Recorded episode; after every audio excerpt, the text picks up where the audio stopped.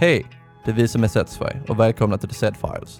Denna podcasten pratar vi om säkerhet för såväl produkter som industrianläggningar.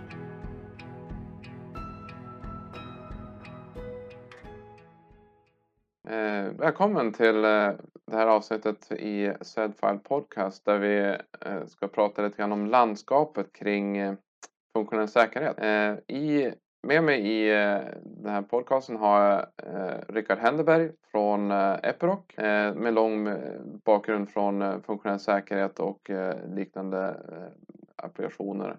Så, jag tänkte så här Rickard, att du ska få presentera dig själv och förklara lite grann om din bakgrund och, och hur du jobbar med funktionell säkerhet idag. Mm, tackar. Jag heter som sagt Rickard Händeberg, jobbar på Epiroc Rocktrills AB. Jag har jobbat där i 16 år. Eh, började att jobba med eh, systemutveckling, radiostyrningar, fjärrstyrningar, autonoma maskiner för att sedan gradvis växla över till eh, att jobba med maskinsäkerhet och funktionell säkerhet. Och idag har jag titeln som senior specialist i functional safety.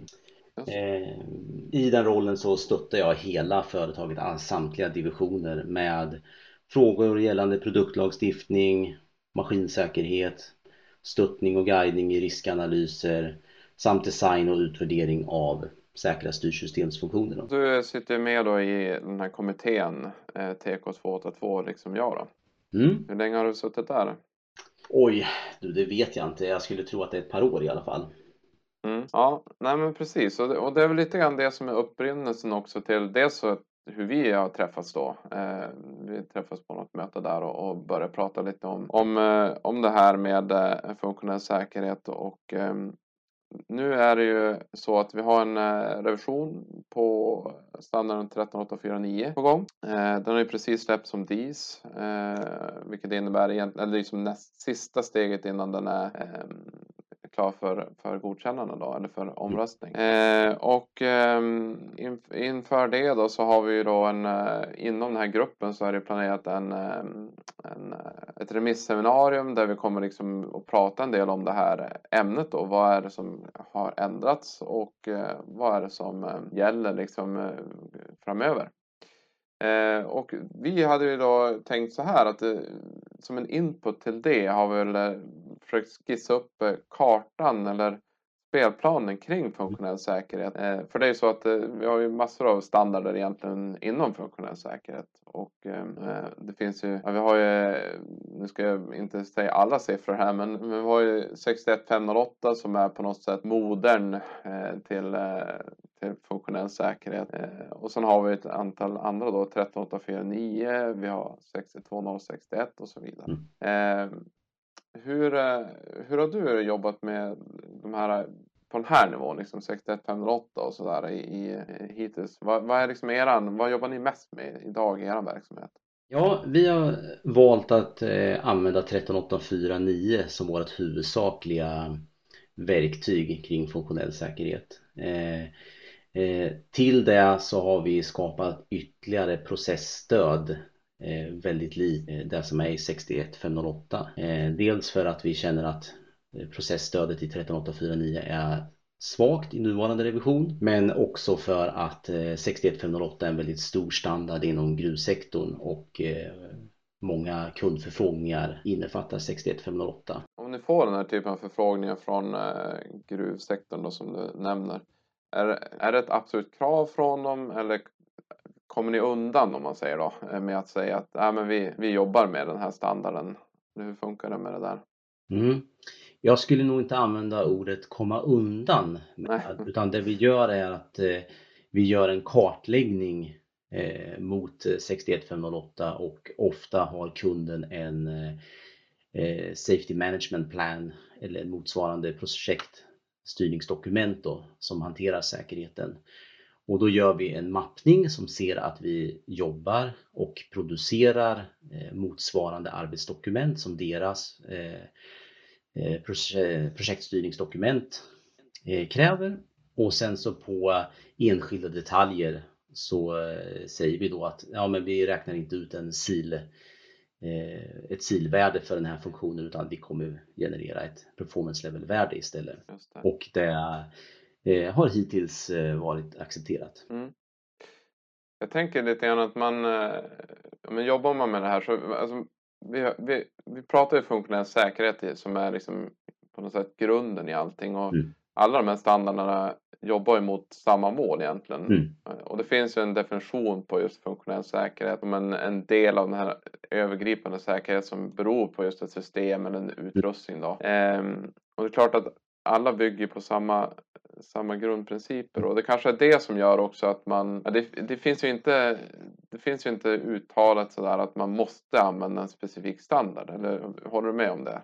Ja, nej men det stämmer ju. Så är det ju. Och jag tror också att eh, de kunder eller de företag som har lagt ner energin och eh, pengarna på att eh, etablera en, eh, ett funktionellt säkerhetsregelverk i sin organisation. De förstår också att om man möter en leverantör eller en kund som har ett annat regelverk de har valt att följa så kan man inte bara byta på stående fot utan eh, Nej, det det. finns en acceptans för att det finns olika regelverk och så länge man kan matcha dem mot varandra så, så är det okej. Mm, mm, just det. Ja, nej, men så det blir ju lite grann upp till, eh, ja men man får ju ta det lite grann från case to case då kan man väl säga då. Ja, man, mm, jag tycker att eh, det som jag har upplevt är att när man eh, för en dialog med eh, kunden, leverantören, företaget så märker man oftast ganska snabbt om det här företaget eller kunden då har förstått vad det hela handlar om och hur funktionell säkerhet är en delmängd av den övergripande maskinsäkerheten eller säkerheten i organisationen. Och när man får samförstånd i det, den kopplingen, då tycker jag oftast att det går väldigt bra att, samarbeta även om man har grunder i olika regelverk. just det. Ja, för det där är ju ganska intressant ändå att man, man, man går ner till liksom en, en grundläggande förståelse för vad är egentligen funktionell säkerhet och varför finns det? Ja men absolut, och det, och det tycker jag också. Och det är väl en sån grej som eh, det kanske tog ett tag att förstå. Eh, kopplingen till den övergripande riskanalysen och eh, vikten av att definiera just den här säkerhetsfunktionen och se hur säkerhetsfunktionen passar in i den övergripande säkerheten. Och, och liksom kanske inse att eh, MTTF-beräkningar och, och sånt är inte allt. Utan det är bara en liten parameter i den helhetsbedömningen av funktionen. Men om man har tänkt fel i definitionen av sin säkerhetsfunktion, ja då spelar det ingen roll att man kan räkna hem den. För då är den fortfarande fel och den bidrar inte med den riskreduktion som man eftersträvar. Mm, nej, precis. Ja, nej, men det, det är ju jätte, jätteintressant. Och, och, och, för, för jag tänker just den där biten, att, att bygga säkerhetsfunktionen. Eh, verkligen, verkligen tänka igenom den och, och liksom få den så ex, precis, och exakt som möjligt. Det är ju, den är ju gemensam oavsett om man pratar om 61508, 13849 eller 62061 som Mm. är ja, men, standarden då. Mm. Eh, Så att, mm. Om man nu, vi kan ju, om man då lyfter liksom lite grann blicken här så det finns ju, det här är fortfarande generella standarder som Mm. går att applicera på ja, massor av olika maskiner och sådär. Mm. Eh, vi har ju även de här som är mer fokuserade mot, alltså på produktnivå då, alltså C-standarder, produktstandarder. Och då är det ju två som jag tänker på framförallt och det är ju den här som heter då 25119 Mm. eh, som handlar om agricultural och forestry, alltså traktorer och, och, och så då. Eh, och så har vi då 19014 som är eh, den för Earth Moving Machinery eller eh, entreprenadmaskiner. Eh, och eh, jag har ju själv inte jobbat med 2519 eh, och bara lite grann egentligen med 1914. Och den är ju heller inte färdig, alltså den är inte färdigutvecklad än. Men, Nej. eh, vad är din erfarenhet av de här två standarderna? Ja, eh, den är nog snarlik som din skulle jag säga. Jag har inte jobbat något, något djupt i, i 25119. Vi har tittat på den lite grann och sett hur de har anpassat 13849 för att, an, för att möta de behoven som eh, Mm. eh, jordbruksmaskiner har. Då. Eh, när det kommer till 19014 så eh, var vi väldigt eh, engagerade i början innan vi såg att det här mer eller mindre blir en kopia av 13849. Det är ju min personliga tolkning då.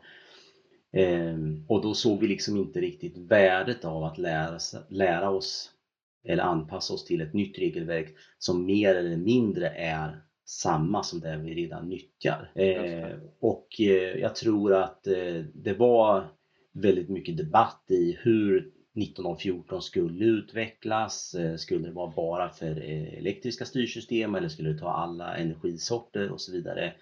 Och allt eftersom det här arbetet pågick, då lärde vi oss att använda oss av 13849 även för eh, konstruktionsmaskiner och det går faktiskt bra skulle jag vilja påstå. Mm. Och det gjorde att eh, behovet av 1914 för oss just idag eh, inte är speciellt stort.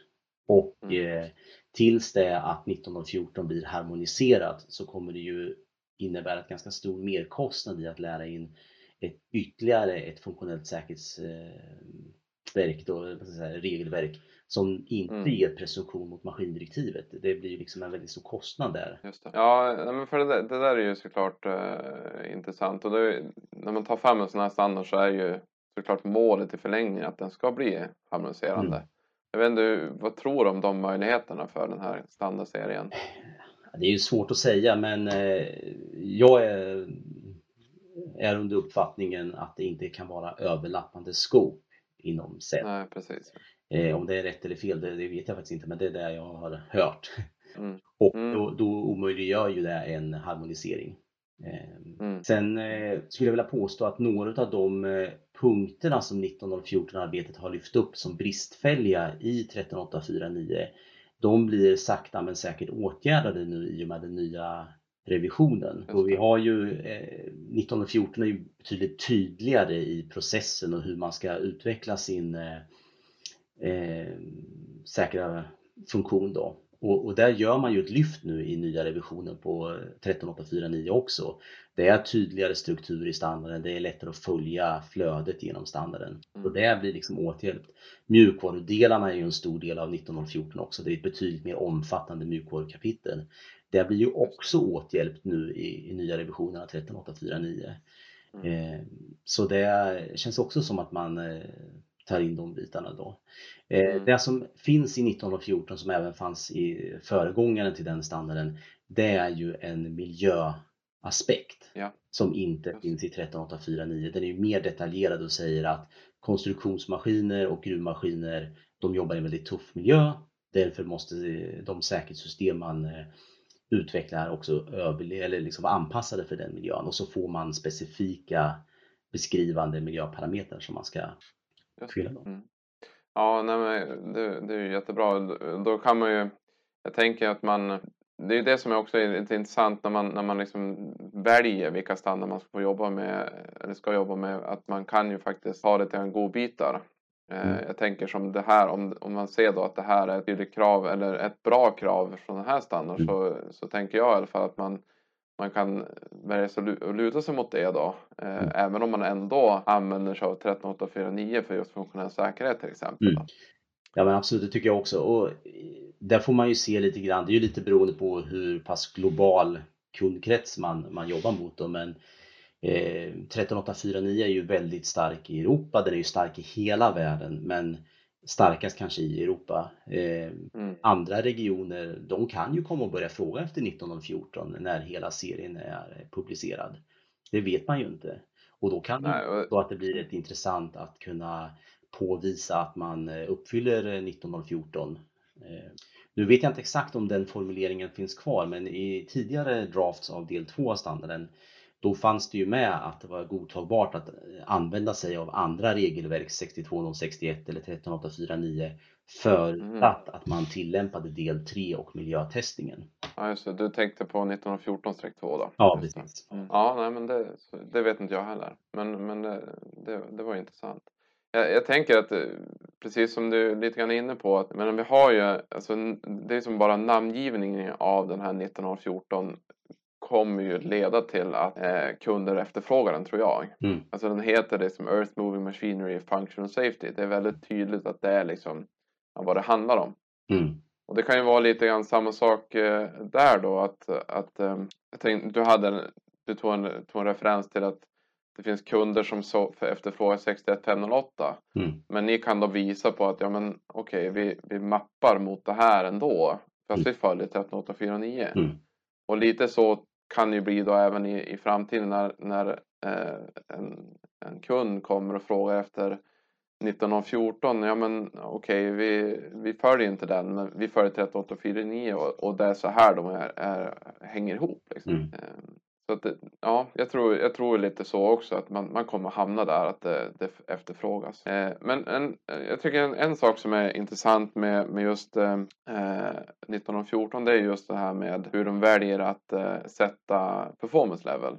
Mm. Och eh, egentligen det som de kallar i den standarden kallar de ju MPL och inte PL. Mm. Och M som i eh, Machinery, visst är det det det står för? Eh, ja, det tror jag. Ja. Eh, och de, de, har ju en ganska tydlig eh, och utförlig eh, metodik för att liksom landa i, i sina ehm, performance level. Då. Eh, ja, men, eh, har, du, ju, har du tittat nu? Mm. Den är ju betydligt eh, högre upplöst än exemplet som finns i Annex A. och där tror jag två kommentarer kring det. Mm. Ja, precis.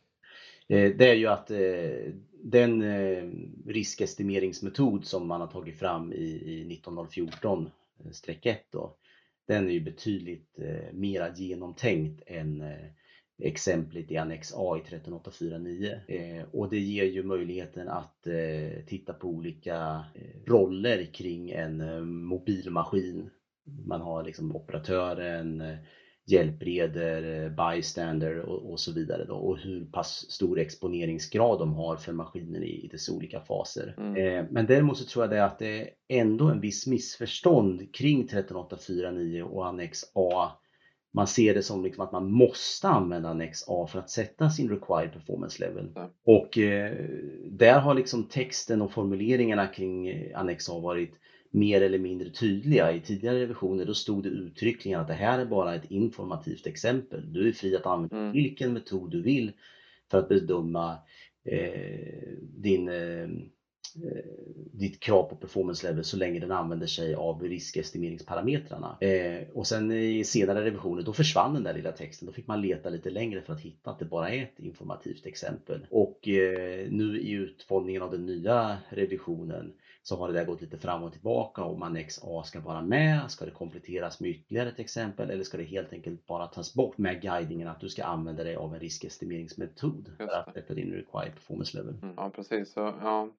Ja det är intressant och just att den är, den är valbar och det är klart att det gör ju också att man, man um, skulle ju kunna välja att luta sig lite grann mot det som beskrivs i den här standarden 1914-5 för att göra, göra sina bedömningar. Mm. Så tror jag många företag har arbetat med till föregångaren till 1914 som hette 15998. Den ja, hade också en del 2 som innefattade eh, minimikrav på eh, performance levels. Eh, mm. Och så kunde vi också göra i, i tidigare projekt att man gjorde sin riskanalys, man gjorde sin riskestimering. Vi använde oss av Annex A för att sätta våran, vårat PL-krav och sen så gick vi in i, i 15998 tabeller för att göra en benchmarking och se bara är våran bedömning överensstämmande med resterande bitar av industrin. Just det. Ja men det, det känner jag igen. Det, ganska precis så har jag också jobbat tidigare. Då. Det blir som ändå en, en, en avstämning. Och det, det är väl lite så kanske man också gör, kommer att använda den här standarden liksom på det viset. Ehm, ja, men vi har ju, jag menar där har vi ju då en MPL och så har vi ju PL och så har vi ju SIL och så har vi AGPL som är då för agriculture. Så det finns ju flera olika eh, benämningar. Så kärt barn har många namn lite grann då. Mm. Men, men eh, hur, hur tänker du liksom på korrelationen mellan de här olika ja, namnen? Jag kan väl tycka att det rent krast finst två världar. Det finns SIL eller PL. Och vi har ju mm. A-sil också om vi går till Automotive till exempel. Då. Men eh, jag antar att man sätter ett prefix framför PL eh, eller SIL i det här fallet för man gör avvikelser från grundstandarden. 19014 eh, och 25119 de gör liksom anpassningar av 13849 i, i, på något sätt och för att då inte kunna säga att det är exakt samma eftersom man gör olika då lägger man till ett prefix och säger nej men det här är specifikt för 1914, då heter det MPL och det gör man lite, lite annorlunda. Mm. Eh, om det är bra eller dåligt vet jag inte, det är väl säkert en nödvändighet men det kan ju ändå ge upphov till viss förvirring. Om man pratar mm. lite slarvigt då performance level fast menar man MPL, AGPL, mm. bara PL. Liksom det. Mm, ja precis. Nej men på, det är ju i grund och botten så pratar vi om en eh, det som kallas PFO, det är alltså eh, probability failure per hour är det väl va? Mm. Eh, och att man använder sig av Alltså de här är ju som en, eh, menar, ett mått på en, ett diskret värde på en PFHD så att det är mellan vissa, vissa nivåer. Mm. Och, och, den, den är ju likadan för, för de här olika nivåerna. Även om jag inte vet exakt liksom, vilket PFHD de har, har satt sina områden till. Men jag misstänker att de är rätt lika. Då. Mm. Ja, det finns ju översättningstabeller. Den är ju med både i 62061 och i 13849 så finns det ju en tabell för hur man kan liksom jämföra de två värdena med varandra. Man klargör ju ja, att det inte är samma. En pilnivå och en PL-nivå är liksom inte samma. Och så har man ju den här tekniska rapporten för hur man kan nyttja eh, elektronikkomponenter som är, har ett silvärde i en maskinfunktion då, mm, 14849. Får vi se vad som mm. händer med den tekniska rapporten, om den dras in eller inte. Ja, nej men det har ju varit diskussioner i, bland annat i, i de här äh, kommenterarna då, att, att det kommer bli så. Får se. Ja, ja men äh, det var kanske lite grann det som vi hade tänkt att lyfta här. Alltså vi, vi pratade liksom om en någon slags översyn över, över det här med funktionell säkerhet och hur det hänger ihop i, i industrin, i, i liksom mobila maskiner oavsett om det är liksom eh, grävmaskiner eller så eller om det är eh, skogs, nej, ja, skogsmaskiner och eh, även då eh, jordbrukstraktorer och så vidare. Hur, um, har, hur tänker du? Har du något sista ord liksom, vad, hur, vi, hur vi kan knyta ihop den här diskussionen på något sätt? jag, jag är ju ganska övertygad om att eh, den stora lärdomen av att jobba med functional safety är just att hitta kopplingen mot den övergripande maskinsäkerheten eller den övergripande säkerheten i en fabrik och inse att det är en delmängd av arbetet. Det, det finns nog en villfarelse att oavsett vilket ramverk du använder dig inom det du har gjort din riskanalys och kommit fram till att det här är en säkerhetsfunktion som ska utvecklas. Då, då antar man att det liksom lyckas eller eh, misslyckas. Det är liksom ett eh, digitalt svar. Antingen så når du din required performance level eller också du kör. Mm. Men då funkar ju inte det andra skyddande åtgärder du inför för att göra riskreduktion. Eh, mm. Sätter man dit en skylt och, och kommer fram till att den är otillräcklig, då kan du ju komplettera skydden, skylten med en annan åtgärd. Du behöver inte kasta skylten då. Nej, samma sak är det med funktionell säkerhet. Du kanske ser att för att komplett eh, reducera risken eller reducera risken totalt, då behöver jag en funktion mm. som är performance level D kanske. Och mm. den gör du ditt arbete och kommer fram till att det finns begränsningar i den här maskinen och vilka möjligheter jag har att eh, eh nyttja mer avancerade kategorier och jag kommer fram till ett performance eh, level eh, på B kanske eller C. Då behöver jag inte kasta den funktionen. Det enda jag kommer fram till är ju i mitt riskanalysarbete att den här funktionen är inte tillräckligt tillförlitlig för att totalt eliminera eh, risken jag identifierade. Så därför måste jag komplettera mina riskreducerande åtgärder med ytterligare saker. Mm, ja precis, så du identifierar en risk som en kvarvarande risk som är Mm. Borde hanteras med en PLD då. Mm. Men, men och, och de eh, verktyg vi har att tillgå är egentligen PLC. Mm. Säger vi. Så då har vi kvar en risk där som vi på något sätt ska, ska fortsätta jobba med egentligen. Och det är väl det vi säger. Och det tycker, jag, det tycker jag man ser ganska ofta, speciellt med folk som börjar jobba med function safety, att man tror liksom det är allt eller inget som gäller. Vilket är lite lustigt för att till och med i 13849, nu kommer jag inte ihåg vad bilden heter, så har man ju en bild som illustrerar just det här att säkerhetsfunktionen är en delmängd av den övergripande riskreduktionen. Även fast det är med och illustrerat i standarden så finns det ändå den här villfarelsen av att det är allt eller inget. Då. Mm, ja, nej men eh, precis. Det är lätt, lätt att se det, liksom att man, man får den här ett eller ett eh, tanken att det, mm. ja, men nu har vi en den här nivån ska det vara och, och allt eller inget precis som du säger då att ja um, ja nej men absolut um, vi har ju om man ska snabbt liksom bara uh, backa bandet sådär och vad vi har pratat om. Vi pratar om ett gäng standarder 61508, 13849 eh, och så vidare. Eh, och vi har väl kunnat se, ja, men du tog ju upp något exempel där man liksom kan, eh, även om man har ett eh, kundkrav på en viss standard så kan man ändå liksom matcha de här mot varandra. Eh, om, man, om man har gjort sitt jobb så att säga. Eh, just, just på grund av att vi har liksom någonting att falla tillbaka på. Och det är att allting handlar om funktionell säkerhet. Att, Mm. att det är liksom det som är, är grejen. Mm. Sen är det eh, lite grann många vägar leder till Romer. Mm. Eller alla vägar, jag vet inte. Mm. Eh, nej men alltså att det är lite det man, man, man kan välja den, det spår som är, passar sin verksamhet, sin, sin bakgrund, hur mycket har man jobbat med en viss typ av standard och, och sådär och, och vilka förutsättningar har man liksom. Så, Mm. så. Nej, så får man väl se. Den dagen kanske kommer när eh, man stöter på eh, ett samarbete eller en kund som, som inte accepterar Mm, ja, den här avvikelsen. Då. Men då får man ju hantera det då helt enkelt. Då får man ju bedöma om insatsen, eh, att det är värt den insats som kommer att krävas. mm, ja precis. Ja, nej men ehm, jättebra. Nu är det ju som sagt precis den här 13849 släppts eh, och eh, jag har själv inte hunnit dyka in i den sådär och liksom börja förstå vad, det- vad, vad den här sista revisionen innebär då. Men, eh, men eh, det är lite grann det som vi har tänkt att lyfta även på det här seminariet då så får vi se vad, eh, vad som vad som blir av det. Men du eh, Rickard, tack så mycket för idag. Jag tänker, eh, ja det var jätteintressant, intressanta diskussioner och kul att, eh, kul att du ville vara med. Mm, tack själv. Bra. Ja men du, då, då rundar vi av. Mm. Ha det så gott. Ja, hej!